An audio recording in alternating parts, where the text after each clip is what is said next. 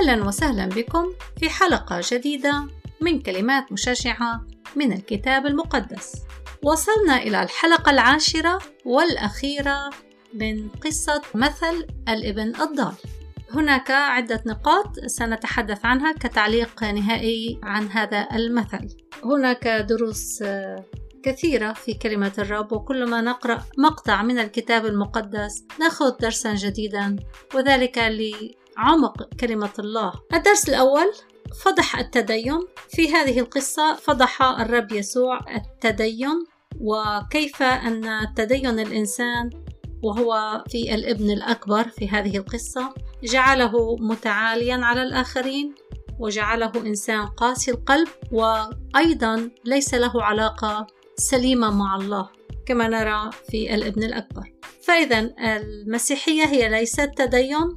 هي ليست تقاليد وعادات متوارثة ولكن المسيحية هي علاقة محبة وسلام بيننا وبين الله. وهذه المحبة وهذا السلام حصل على الصليب.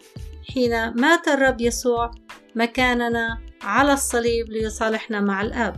كل ما علينا أن نؤمن بعمل الصليب الكفاري. إذا المسيحية هي علاقة بيننا وبين الله هي ليست تقاليد. وليست تدين يقول الكتاب المقدس متى الإصحاح التاسع والعدد الثالث عشر؟ قال الرب يسوع فاذهبوا وتعلموا ما هو. إني أريد رحمة لا ذبيحة لأني لم آتي لأدعو أبرارا بل خطاة إلى التوبة. الدرس الثاني هو إعلان فشل الأعمال في حل مشكلة الإنسان. في هذه القصة نرى أن الابن الأصغر حاول أن يحل مشاكله بيده ولكنه فشل. والخطية تفصلنا روحيا عن الله وتبعدنا عن الله والعودة إلى الله تكون بالتوبة وليس بأعمالنا وبجهودنا الخاصة. الكتاب المقدس يقول في أعمال الرسل الإصحاح الرابع والعدد الثاني عشر وليس بأحد غيره الخلاص لأن ليس اسم آخر تحت السماء قد أعطي بين الناس به ينبغي أن نخلص. فالدرس الثاني هو فشل الأعمال في تخليص أنفسنا وخلاصنا يكون بالإيمان باسم الرب يسوع وبعمله. الدرس الثالث إذا سمح الله بأي ضيق فهو لخيرنا. الكتاب المقدس يذكر لنا في سفر أرميا الأصحاح العاشر والعدد الثامن عشر آية جميلة تقول: وأضيق عليهم لكي يشعروا. نرى أن الابن الأصغر سمح الله بالمجاعة حين فقد كل أمواله. وهنا الضيق الذي شعر به الابن الأصغر جعله يعود إلى نفسه أحيانا حين تكون الأمور ميسرة وكل أمورنا تمام وننشغل بحياتنا وبرفاهيتنا وكل الأمور. ممتازة. ننسى الله. أحيانا نصل إلى مراحل من الغنى وننسى من هو الذي ساعدنا ونحن في فقر. من ساعدنا ونحن في مرض حين نطيب من مرض. فأحيانا يسمح الرب بالضيق لخيرنا. فإن كانت الأمور ضيقة إن كان عندنا ظروف صعبة مهما كان نوعها تعالوا ننظر ما الدرس الذي يريد أن يعلمنا إياه الرب في هذا الوقت. الدرس الرابع الله بانتظار عودتك.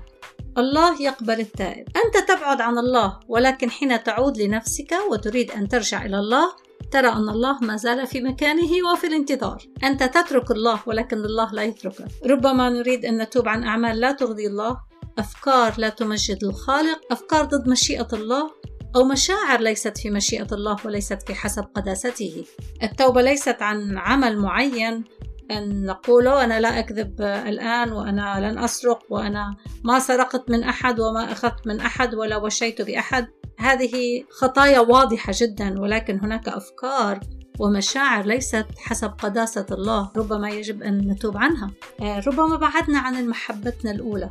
البعض مننا مؤمنين ويعرفون الرب ولكن بعدوا عن المحبة الأولى.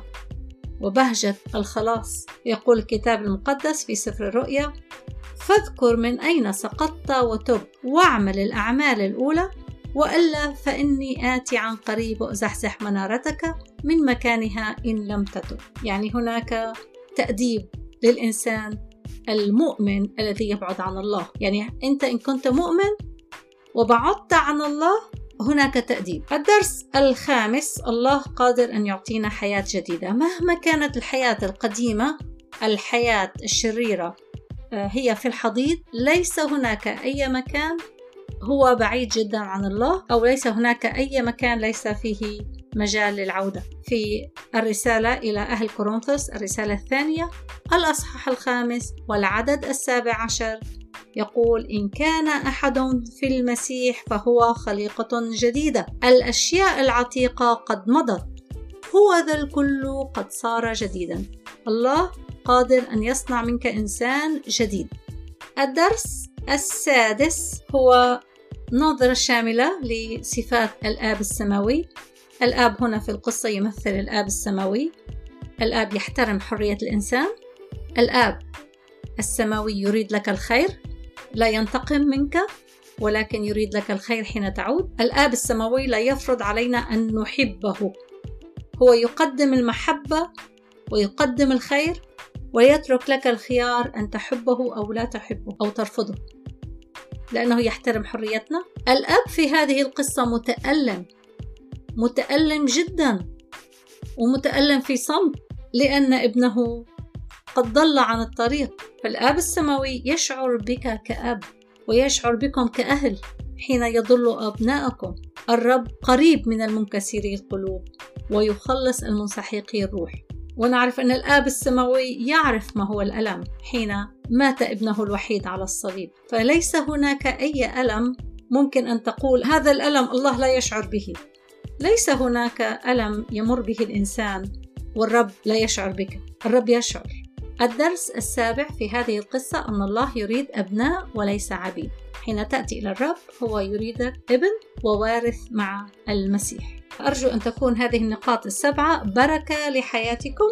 وانتهت آه، الحلقة الأخيرة من قصة الابن الضال. سلام المسيح معكم. وإلى حلقة جديدة وموضوع جديد. سلام.